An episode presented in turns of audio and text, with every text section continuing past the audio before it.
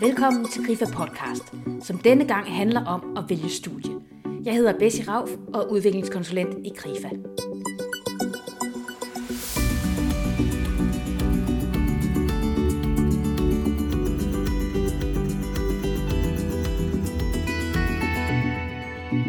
Hvert år begynder 65.000 unge på en videregående uddannelse, og inden der er gået et år, er hver 6. sprunget fra igen. Du kan vælge mellem ca. 850 forskellige videregående uddannelser, så er det måske ikke noget at sige til, at det kan være lidt svært at beslutte sig. Og hvad skal du vælge efter? Skal du gå efter det, der interesserer dig mest? Eller skal du i stedet satse på en uddannelse, hvor der er en stor chance for, at du også kan få et job, når du er færdig?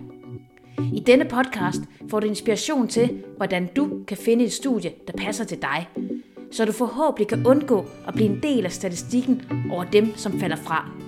Til at hjælpe os med at blive klogere på at træffe et godt studievalg, har vi inviteret Rune Mastrup Lauritsen. Rune er specialkonsulent og daglig leder af studievejledningen på Humaniora ved Syddansk Universitet. Og han har i mere end 10 år arbejdet med de studerendes gennemførsel og trivsel. Hvordan finder man ud af, hvilket studie man skal vælge? Ja, det er jo et kæmpestort spørgsmål. Der er jo sindssygt mange perspektiver på det, mange strategier i forhold til at vælge det, den helt rigtige uddannelse. Og det er jo det, vi bruger rigtig meget af vores tid på som studievejleder. Så der er desværre ikke bare sådan et enkelt, simpelt svar på det. Men jeg kunne starte med at fortælle lidt om, øh, hvordan man har gjort det i gamle dage, for det er faktisk et ret interessant modsvar til, til hvordan man sådan gør det i dag. I gamle dage, der besøgte man, jeg har faktisk taget et billede med her, Bess, Jeg kunne godt tænke mig, at du lige prøver at kigge på det. Kan du lige prøve, prøve at forklare, hvad det er, du ser her på billedet? Ja, det er i hvert fald sådan et sort-hvid billede, og så sidder der sådan en ung dreng i sådan noget, der ligner en sådan sømandskostyme, og så står der sådan en voksen, myndig mand på den anden side af bordet øh, i fuld, øh, hvad hedder sådan noget, øh, jakkesæt. Og så står de og piller ved sådan noget teknik. Det ser ud som om, at øh, ham drengen, han trykker på nogle knapper, der får nogle rigtigt? lamper til at lyse. Vil du gætte på et årstal her? Hvad tror du? Hvor er vi henne? Jeg tænker, vi måske er i øh, 40'erne. Ja. 40'erne 50'erne deromkring. Det er et billede fra Paul Banstens Psykotekniske Institut i København. Og Paul Bansten, han, øh, han lavede datidens, kunne man sige, sådan, uh, uddannelsesvejledning. Og det foregik ved, at man tog sin lille dreng her, det er så, lad os sige, han hedder lille Albert ham her, ikke også? Han er kommet ind til Paul Bansen for at blive testet.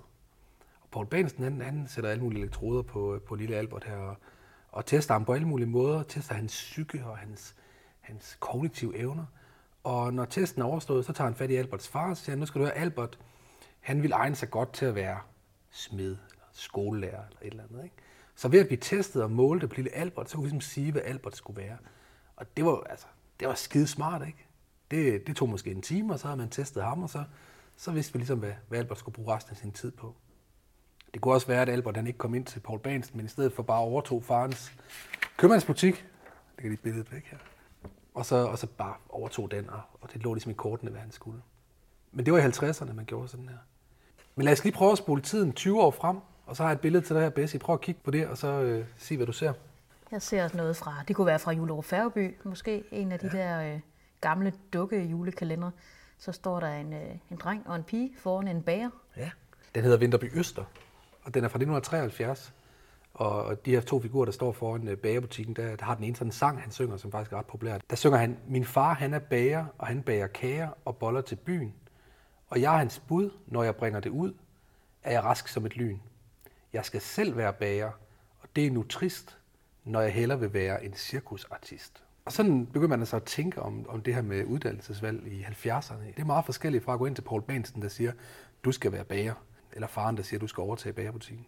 Her der er den lille figur her i Vinde Bøster, han siger, det er virkelig trist, at jeg skal være bager, for jeg vil hellere være cirkusartist.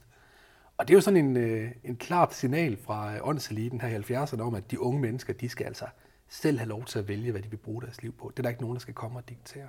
Og dem, der ligesom vokser op der, og dem, der så Vinterby Øster, de, de indoptager de her tanker, og de har fået børn. Og deres børn, det er dem, som er bliver studenter i dag. Så det er nogle børn, der er vokset op øh, hos nogle forældre, der, der tror på den her individualisering af, at man selv kan vælge, hvad man vil i livet. Og det er nogle børn, som har gået i en skole, hvor, hvor lærerne har kigget på hver enkelt og sagt, hvad har du brug for? Øh, hvad kunne du tænke dig? Hvordan lærer du godt? De er gennemført individualiseret.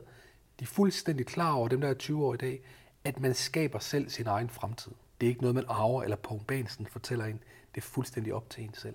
Det handler ikke bare om uddannelse A eller B. Det handler om, hvem man gerne vil være. Det er simpelthen et, et, et livsvalg. man lægger ned i det her valg omkring uddannelse. En gang var det altså givet, hvad man skulle være. Du arvede din fars butik eller landbrug, eller tog måske mere om på fabrikken og blev arbejdsdreng, når du var færdig med skolen. Var du en pige, kunne du ofte se frem til en karriere som husmor. Så var din fremtid planlagt, uden at du behøvede at spekulere mere over det. I dag er der et hav af muligheder. Skal du på universitetet? Vil du være håndværker? Eller pædagog? Eller måske du kunne tænke dig en kontoruddannelse? Der er ifølge Rune Mastrup Laudersen to forskellige måder, du kan træffe et uddannelsesvalg på. Du kan være en maximizer eller en satisficer. Og derudover har han et bud på, hvilke udfordringer det giver, at der er så meget at vælge imellem. Og hvad er det vigtigste at forholde sig til, når man skal træffe sit valg omkring studieretning? Hvis man er 20 år i Danmark i dag, så, kan, så har man valgmuligheder i en grad, som, som en meget, meget lille procentdel af jordens befolkning har. Man kan vælge øh, uddannelse, hvor man vil bo. Man kan vælge, hvem man vil hænge ud med, hvad man bruger sin tid på. Vi har nok også en tendens til at forestille os, at jo flere valgmuligheder vi har, jo lykkeligere bliver vi. Det er der faktisk rigtig meget forskning, der viser, at sådan her er det ikke nødvendigvis sammen. Det er nemlig sådan, at vi mennesker, vi er generelt mere bekymrede for at miste noget, end vi er glade for at få noget. Jo flere ting, vi kan vælge mellem, jo flere ting får vi øje på, vi kan miste. Hvis jeg har 10 valgmuligheder og vælger en, så er der ni ting, jeg mister. Og det gør faktisk, at vi i den her valgsituation kan være enormt presset og stresset, fordi vores hjerner hele tiden tænker på de her ni ting, vi ikke får. Og det kan også betyde, at når vi har valgt den ene ting, så går vi bagefter og tænker, måske skulle jeg alligevel have valgt en af de andre ni. Så selvom vi har truffet et valg, som er godt, så kan vi stadig gå og ærge os lidt over, at vi ikke valgte noget. Måske havde det været bedre, hvis vi havde valgt noget andet. Man kan have sådan to forskellige øh, måder at gribe sådan en valgsituation an på.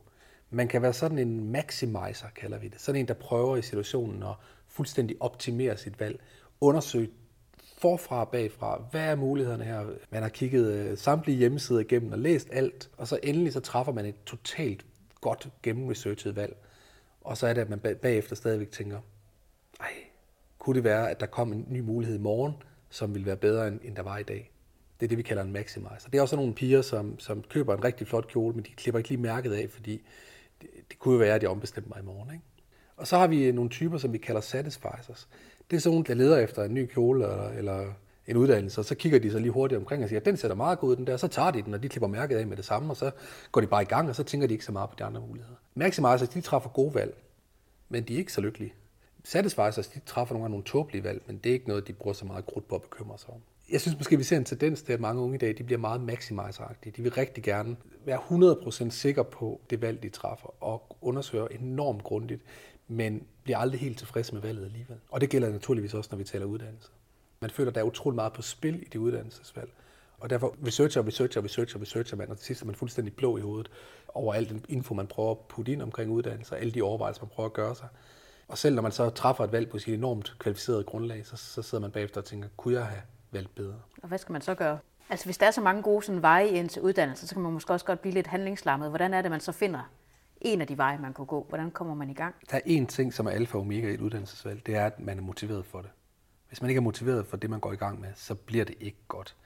Det gør det heller ikke, hvis man vælger et job, og man ikke er motiveret for det. Det bliver aldrig en succes. Jeg tror ikke, der er nogen chefer, der gider ansætte en medarbejder, som ikke er motiveret for at udføre det arbejde, han skal udføre. Så motivation er alfa og omega. Men motivation kan jo være sindssygt mange ting, og man kan være motiveret på mange måder. Noget af det, som vi ved er med til at styrke ens motivation, det er for det første, at det, man skal tage i gang med, det giver mening for en at gå i gang med. Altså sagt på en anden måde, at man er i stand til at svare på spørgsmålet, hvorfor er det, jeg gør det her? Hvis ikke man kan sige, hvorfor man gør det, hvorfor læser jeg til lærer, hvorfor går jeg i gang med en tømmeruddannelse, hvorfor spiller jeg musik på musikkonservatoriet, hvis ikke man kan svare på det, hvorfor, så er man ikke særlig motiveret. Så det er jo noget, man skal, man skal spørge sig selv. Hvorfor vil jeg det her? Kan jeg finde på nogle gode hvorfor? Et hvorfor kan både være, at det er sjovt.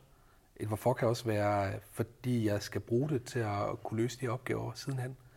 Eller et hvorfor kan være, fordi så kan jeg bidrage til at løse de klimaudfordringer, eller hvad fanden det nu er, man, man synes, man bidrager med. Så et hvorfor gør jeg det. Der er også et hvordan. Vi taler om øh, mestring. Følelsen af, at man kan mestre de udfordringer, man møder. At man kan svare på spørgsmålet, hvordan, øh, hvordan skal jeg klare det her? Hvis man øh, melder sig ind på fysikstudiet for eksempel, så er det ret relevant at spørge, hvordan løser jeg fysikopgaver? Er jeg god til det? Eller hvis man signer op til en tømmeruddannelse og spørger sig selv, kan jeg finde ud af at bygge noget med de her hænder? Så der er det klart, at man skal være kritisk over for selv. Hvad er det for nogle kompetencer, færdigheder og faglige kundskaber, jeg har med hjemmefra, som gør mig i stand til at lykkes med ting på en uddannelse. Så der er altså både et, hvorfor gør jeg det, men også, hvordan gør jeg det? Kan jeg det rent faktisk? Og så er der endelig en, en tredje ting, vi er ret optaget det er, at man, man har en følelse af, at man selv har bestemt det. Når man føler, at man gør det, fordi at det er forventet af mig. Mine forældre synes, det er en god idé. Samfundet synes, det er en god idé. Det er jo noget, man bare skal, noget man bør. Jamen, så ryger motivationen. Det er der masser af studier, der viser, at hvis man ikke længere kan mærke, hvorfor man har valgt det selv, men gør det, at man føler sig presset til det, øh, så ryger motivationen også. Så det er sådan de tre vigtigste parametre, man skal sigte efter, når man skal vælge en uddannelse. Når man så står og skal vælge uddannelse, skal man så vælge med hjertet, eller skal man vælge efter, hvad man tror, sådan fremtiden har allermest brug for? Det er et sindssygt interessant øh, spørgsmål, fordi det er noget, vi taler med vores studerende om igen og igen og igen. De vil meget gerne træffe nogle valg, hvor man er sikker på, at det, det går ikke galt, hvor man ligesom risikominimerer. Det er valg, der er båret af frygt, mere end det er båret af lyst til at prøve noget og lære noget. Det, der desværre sker, når man træffer valg øh, af frygt, det er, at man mister motivationen. Det handler simpelthen bare om lige at få røven øh, over vandskorben, ikke også? Og så, så, så går det nok alt sammen. Men man mister motivationen, og når man har mistet motivationen, så lærer man ikke meget. Man bliver ikke særlig dygtig. Man bliver faktisk i det hele taget ikke særlig attraktiv. En færdiguddannet, der, der har taget sin uddannelse af frygt, øh, er ikke en attraktiv færdiguddannet. Vi prøver altså ofte at tale med de studerende om, at det med at vælge med hjertet, det er en kontrast til at sikre sig mod fremtiden. Fordi hvis du ikke har hjertet med i det, du laver, så er du i hvert fald garanteret, at du ikke står særlig godt i fremtiden. Så du bliver nødt til at have hjertet med. Hjertet er en metafor for, at du synes, det er interessant, øh, du synes, det er meningsfuldt, øh, du synes, det er, det er værd, værd at bruge tid på, du har lyst til at gøre det. Hvis ikke du har det med, så, så brænder du ud. Så jeg accepterer sådan ikke præmissen for de spørgsmål, basic, fordi du stiller det op som om, at det er enten øh, er man fremtidssikret, eller også så vælger man med hjertet. De to ting øh, går rigtig fint hånd i hånd. Der er så mange muligheder, når man skal vælge uddannelse. Men findes der en eneste ene, når det gælder uddannelsesvalg? Og er der kun én uddannelse, som kan sikre dig god arbejdsløst i fremtiden? Findes drømmeuddannelsen overhovedet, og hvor meget krudt skal du bruge på at jagte den? Og hvad nu, hvis du godt ved, hvad du gerne vil lave, men ikke hvilken uddannelse, der kan hjælpe dig hen mod dit mål for dit kommende arbejdsliv? Hvad gør du så? Det har Rune nogle bud på. Altså i forhold til nogle typer jobs, så giver det sig selv, og der ved man det jo selvfølgelig godt alle ved godt, hvis man gerne vil være sygeplejerske, hvordan man så gør det, og hvis man gerne vil være præst osv. Og, og ellers så kan man hurtigt opslag på UG.dk i hvert fald svare på det. Det er jo mere i den type jobs, hvor der ikke sådan er en bestemt uddannelse, der leder hen. Jeg vil gerne være projektleder i en velgørende organisation for eksempel. Hvordan bliver jeg det? Det kan man ikke slå op på internettet. Der vil mit råd være at finde frem til nogen, der har sådan et type job, og prøve at blive lidt klogere på, hvad det er, de rent faktisk laver. Hvad er det for nogle evner og kompetencer, de gør brug af hver dag. Og kan man få dem øh, til at spytte ud med den slags, enten ved at man spørger dem, eller ved at man kigger på deres LinkedIn-profiler, der skriver de det faktisk, så kan man bagefter prøve at se, hvad er det for nogle uddannelser, der kunne give mig det. Men så vil man opdage, at det er der mange uddannelser, der kan. Mange af de der brede kompetencer, dem kan man få mange steder. Og hvordan vælger man så? Så må man begynde at kigge på, hvilke af de her mange steder, hvor jeg vil kunne lære de her mange ting, vil jeg synes, det var spændende og interessant og sjovt at være. Hvad vil passe godt til mig? Det kan både være, jamen er det et stort sted, er det et lille sted? Er det en by, jeg kunne tænke mig at bo i? Hvordan arbejder man med tingene rent praktisk hen på uddannelsen? Er det, er det meget øh, praktisk orienteret, eller er det meget teoretisk? Og man kan jo lære de her ting på mange forskellige måder. Man skal nok bare finde den måde, der passer bedst til en. Der er mange studerende, der har en idé om, at der er en drømmeuddannelse. Hvis jeg kommer ind på den, så, så bliver alt godt. Hvor længe skal man jagte den her drøm? Jeg tror, at jeg som studievejleder har en opgave i at hjælpe dem, jeg taler med, med at gøre op med forestillingen om, at et uddannelsesvalg handler om at finde den eneste ene. Som om der er en uddannelse derude, som passer sammen med mig på sådan en helt unik vis, og det handler bare om, at jeg skal lede grundigt nok og researche grundigt nok, så finder jeg den nok. Sådan tror jeg ikke, det hænger sammen. Selvfølgelig kan man træffe et forkert uddannelsesvalg. Ja. Men der er vel helt sikkert for alle mennesker være rigtig mange gode veje at gå i livet man vil kunne trives godt mange forskellige steder. Så det handler ikke om at finde den eneste ene, men det handler om at finde en af de mange gode muligheder, der er. Og, og jeg tror, hvis man kan anskue sit uddannelsesvalg på den måde, at der er mange gode muligheder, jeg skal bare have fundet en af dem, så kan man måske tage noget af presset fra skuldrene og få lidt mere ro på sådan i forhold til, til, til selve uddannelsesvalget. For det vi ved, det er, at alle, der begynder på en uddannelse, de oplever, at tingene er aldrig 100% som man forestiller sig. Og hvis man virkelig har fået bildet sig selv ind, at den her uddannelse, det er bare drømmeuddannelsen. Det kommer til at blive fantastisk, det hele. Og så møder man op og finder ud af, at ja, noget af det var sjovt, og noget af det var svært, og jeg dumpede også en eksamen. Så, så er man næsten garanteret en skuffelse. Så ideen om drømmeuddannelsen er farlig. Det kunne for eksempel være medicinuddannelsen. Der er rigtig mange unge mennesker, der drømmer om medicinuddannelsen. Der er også rigtig mange, der ikke kan komme ind på den. Og hvad gør man så, hvis man bilder sig selv ind, at den eneste måde, man kan blive lykkelig på, det er ved at komme ind på medicin? Det, jeg har set nogle træls eksempler på, det er unge mennesker, som har gået og fortalt sig selv og fortalt deres omverden, at de skulle bare læse på den her uddannelse. Og omverdenen har sagt, nej, det lyder flot og spændende, og for, nej, du bliver en god læge, eller hvad det en jurist, eller hvad det kan være. Og så kan de ikke komme ind. Så føler man jo, at hele ens liv falder sammen. Man er jo gået og blevet bekræftet i, at det eneste rigtige vil være at gøre det her. Men jeg tror ikke på, at det er sandheden. Jeg tror på, at sandheden er, at man kan blive lykkelig, få et godt uddannelsesliv og arbejdsliv mange steder. Vores liv er ikke sådan indrettet, at vi kun kan én ting. Vi vil kunne begå os godt i mange forskellige sammenhænge. Men det kan man godt have overset, hvis man har bildet sig selv ind, at der kun er ét sted, man kan have det godt. Det er derfor, jeg synes, det er en, det er en farlig tanke, og det er det, jeg bruger rigtig meget mit krudt på at prøve at udfordre. Det er, at det ikke vejen frem. Når jeg så er kommet ind på en uddannelse og er kommet i gang, så kan man jo godt komme i tvivl om, om man nu har valgt rigtigt. Hvordan skal man håndtere den tvivl? Jeg tror faktisk, jeg vil gå så vidt som at sige, at det gør alle. Men man mærker en tvivl om, er det her det rigtige? Kunne jeg have været gladere, hvis jeg havde valgt noget andet? Man oplever noget svært, og så tænker man, nå, så er det måske ikke mig alligevel. Så tvivl er en naturlig følgesvend.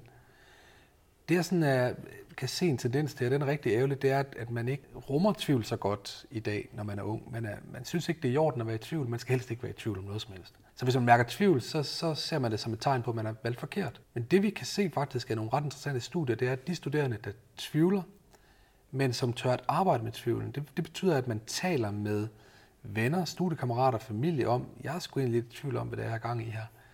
De ender faktisk med at stå stærkere og være mere motiveret for deres uddannelse.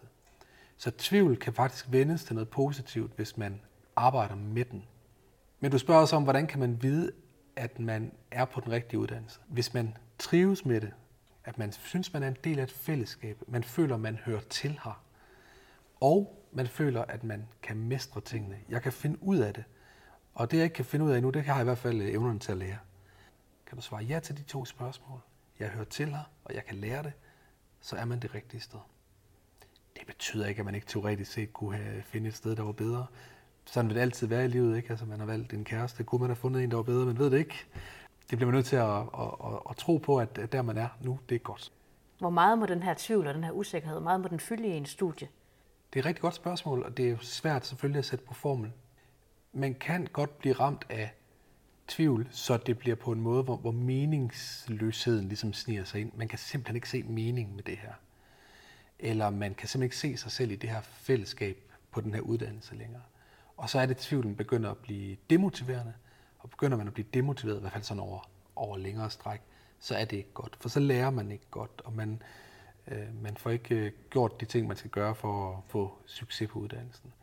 Men tvivlen kan også være en rigtig fin anledning til, at man får stillet sig selv nogle af de her spørgsmål. Hvad fanden er det egentlig, jeg laver? Øh, og få fundet svarene på dem. Og det kan så altså styrke motivationen. For har du svar på, hvad laver jeg her? Hvorfor er jeg her? Hvad er det, jeg kan lide ved det her? Så bliver man mere motiveret. I Danmark har vi høj social mobilitet. Det betyder, at der er stor bevægelse mellem forskellige positioner i samfundet. Der er altså stor sandsynlighed for, at man kan blive, hvad man vil, uafhængigt af ens forældres uddannelse og hvor man kommer fra. Men hvordan finder man en uddannelse, der passer til ens personlighed og evner – og hvordan er det at skulle vælge en anden uddannelse, end den ens familie og venner måske havde forestillet sig? Hvordan håndterer du den udfordring at gå en uddannelsesvej, som du brænder for, men som dine omgivelser måske ikke helt forstår? Når man så har valgt studie, så er man måske den første i ens familie, der vælger at gå lige præcis den her retning. Hvordan håndterer man, at man måske vælger en vej, som ens forældre ikke lige havde forestillet sig var en mulighed?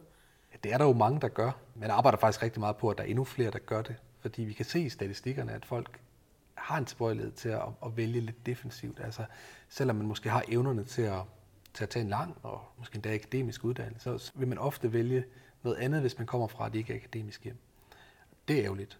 Men det, vi oplever her på universitetet, at vores mønsterbrydere, som vi nogle gange kalder dem, de oplever, det er, at de kan være lidt sårbare overfor, hvis de møder nogle udfordringer. I stedet for bare at tænke, at det var lidt svært, det jeg mødte her øh, op på hesten igen, så tænker de, at jeg er nok gået forkert i byen. Noget andet, vi også oplever, det er, at det kan være svært, hvis man ikke synes, man er i stand til at forklare meningen med det, man er i gang med til sin familie. Det kan være meget svært at forklare, hvad meningen er med en eller anden akademisk uddannelse, for eksempel, til folk, der slet ikke har nogen begreb om, hvad det vil sige, og som måske på dine vegne er bekymret for, om du kan bruge det til noget. Hvad søren skal det blive til med alle de der år på universitetet? Bliver du bare arbejdsløs? Det hører vi jo så meget om i medierne, siger de. Ikke? Og, og, og den utryghed, øh, man kan mærke hos sin, sit bagland, den kan godt smitte af på en selv, og det er ikke særlig øh, frugtbart. Og hvordan håndterer man så det, når man står midt i det? For mange øh, mønsterbrydere er det ikke en mulighed at nødvendigvis at snakke med forældrene om meningen med at tage en universitetsuddannelse, men så er det drøn vigtigt, at man får snakket med nogle andre om det. Til kan man sige, at akademikerbørnene de har meningen med hjemmefra, for de kan se deres forældre have et glimrende liv og et, øh, en god karriere på baggrund af deres akademiske uddannelse. Så de er slet ikke, de er slet ikke usikre på de her ting, men, men mønsterbryderne er ret usikre på det. Så det er vigtigt, rigtig vigtigt, at de får talt med nogen om det, og kommer ud i en verden og får mødt mennesker, der bruger deres for eksempel akademiske uddannelser i det virkelige liv. Så de kan få en forvisning, sådan helt ned i maven over, det her, det kan faktisk godt bruges til noget, og det er faktisk et godt liv, der venter mig, hvis jeg gennemfører de her ting. Det kan vel også være den anden vej, at man kommer fra en akademisk familie, men har lyst til at blive mere praktisk. Det kan det. Og lige så vel som vi oplever mønsterbrydere, der gerne vil have en højere uddannelse end deres øh, forældre, så taler vi også nogle gange med nogen her, som virkelig har det hårdt på universitetet, og de er gået i gang med det, fordi det var en forventning fra deres familie, men virkeligheden bare lyst til at lave noget helt andet. Og de har også brug for nogen at snakke med omkring det valg. Når man skal vælge studie, så skal man jo finde et eller andet, der sådan passer til, hvem er jeg, eller mm. hvad er det for en personlighed, jeg har. Hvordan gør man det? Ja, altså det, det er rigtig interessant. Vi elsker at dyrke sådan nogle personlighedsmatch. Ikke? At sige, at om hvis man er meget sådan introvert type, så passer man nok godt ind der. Hvis man er meget ekstrovert, så passer man nok ind der. Og det er meget sjovt at sidde og snakke om, men der er ikke ret meget belæg for at påstå, at det er sådan, det hænger sammen. Der er faktisk lavet nogle studier, hvor man har prøvet sådan at, at kigge på, hvad for nogle personlighedstyper findes på forskellige typer uddannelser. Og til forskernes store overraskelse, så fandt man ud af, at alle forskellige personlighedstyper er skulle repræsenteret på alle forskellige typer uddannelser i grove træk. Så man kan ikke sige, at det er en bestemt type, der passer ind på en bestemt uddannelse. Sagt på en anden måde, de fleste uddannelser kan rumme mange forskellige typer. Men det betyder ikke, at du nødvendigvis vil passe lige godt ind på alle uddannelser. Men det handler måske ikke så meget om din personlighed. Det handler blandt andet også om din faglighed. Det handler om, hvordan du kan lide at arbejde med tingene. Det handler om, om du socialt måske passer godt sammen med de studiekammerater, du får. Så jeg tror ikke, man skal hænge sig så meget i personlighedsstereotyperne. Når man så har valgt en eller anden uddannelse, så kan man godt have en forestilling om, at den her uddannelse det er kun for nørder, så det er nok ikke noget for mig, eller her skal man være super klog for at være, og passer jeg mon ind her. Hvordan skiller man de her rygter? Hvordan finder man ud af, hvad det den her uddannelse egentlig er? Ja, man har jo nogle klare forestillinger om tingene, det kan man jo ikke undgå at have. Men man skal være, virkelig være kritisk over for, for, hvor man har de forestillinger fra. Jeg går ofte de unge mennesker på klingen, som jeg taler med om, hvor de har deres viden om, hvordan det er at gå på en bestemt uddannelse. De lufter tit nogle meget, meget klare sådan, overbevisninger om, at medicin må være sådan, og jura må være sådan, og idræt må være sådan. Men hvor har de det fra? Og ofte øh, er det noget, man sådan har samlet op lidt tilfældigt. Så har man hørt fra sine fætter, der engang gik på et eller andet, at det var meget, meget svært. Men det vi så kan konstatere, det var, at det i hvert fald var svært for dine fætter. Men vi kan jo ikke sige, at det var svært for dig. Fordi det, der var svært for ham, var måske ikke svært for dig, og den måde, han ikke kunne lide at arbejde på, kan du måske godt lide at arbejde på. Så hvordan finder man så ud af, hvad der er rigtigt og forkert her? Og kom herud til os på uddannelsesinstitutionerne, fordi vi vil gerne vise tingene frem. Vi vil gerne invitere dig til studerende for en dag og studiepraktik, og vi vil gerne snakke med dig om, hvad det vil sige at læse de her ting, og også tale med dig om, hvad det er, der kan vente dig på den anden side af en uddannelse. Der tror jeg nok, vi kan give dig et, et noget mere hands-on-agtigt øh, indtryk af, hvad det vil sige at være studerende her hos os. Hvor mange uddannelser skal man søge ind på? Hvor mange krydser skal man sætte for at være på den sikre side, hvis man er lidt i tvivl? Det er der ikke et entydigt svar på. Hvis man har øh, forudsætningerne for at blive optaget på sin første prioritet, så er der kun grund til at sende en. De mange, mange hundrede uddannelser, vi har i Danmark, der er langt størstedelen af dem nogen, som man kan gå ind på øh, relativt ubesværet, hvis man øh, har en adgangsgivende eksamen. Hvis man ikke er sikker, så må man jo sætte nogle flere dernede af på prioriteringslisten. Øh, men man skal ikke sætte nogen krydser ud for nogle uddannelser, man ikke er interesseret i at starte på det er et utroligt uheldigt udgangspunkt at starte på en uddannelse, med, hvor man siger, at det var, det var bare min syvende prioritet, jeg skulle jo vælge et eller andet. Så, så er det måske bedre at lade være. Når man så står over for, at man skal vælge uddannelse, og nu er det ved at være nu, at krydset skal sættes, hvad er det så, man skal, hvad skal man overveje? Udover de åbenlyse ting selvfølgelig med, hvad interesserer mig, hvad motiverer mig, hvad har jeg lyst til at bruge min tid på, hvad er jeg god til, hvor langt vil jeg gå i forhold til uddannelse. Så vil man opleve, tror jeg, at man, man får snævret feltet ind til måske, det ved jeg ikke, en, en håndfuld muligheder. Man sidder og kigger på nogle forskellige muligheder. Jeg kunne vælge det, jeg kunne også vælge det eller det. Og det, det er ikke nødvendigvis ting, der ligger helt vildt sådan tæt op ad hinanden, i hvert fald ikke sådan på papiret. Men, men for mig kan det opleves som, der er fem muligheder her. Så tror jeg, det er drønvigtigt, at man siger til sig selv, det her det handler ikke om at finde det ene guldkorn ud af de fem. men at der faktisk er fem rigtig gode muligheder foran mig lige nu. Og de kan alle sammen være en vej frem for mig. Når jeg vælger en af dem, så vil jeg opleve, at noget af det er fedt. Jeg vil også opleve noget, der er svært, og jeg vil opleve noget modgang. Men det er ikke et udtryk for, at jeg valgte forkert, fordi sådan vil det være på dem alle sammen. Så tro på, at, at der er mange veje frem, og når man har truffet et valg, så er det faktisk et rigtig fint valg. Det var studievejleder og specialkonsulent Rune Mastrup Laursen. Han gjorde os klogere på, hvordan man træffer et mere kvalificeret valg om, hvilket studie man skal søge ind på. Har du brug for at få sparring på dit studievalg og dit kommende arbejdsliv, så husk, at du i KRIFA kan få karriererådgivning om din fremtidige karriere. Tjek også arrangementskalenderen for kurser, workshops og webinarer, der handler om dit studieliv og din karriere. Find flere podcast med fokus på, hvordan du kan trives i dit studieliv og få en god arbejdsløst. Du finder den på www www.krifa.dk-podcast. Hvis du har spørgsmål eller kommentarer, er du meget velkommen til at kontakte os på podcast Tak fordi du lyttede med, og rigtig god fornøjelse med dit kommende studie.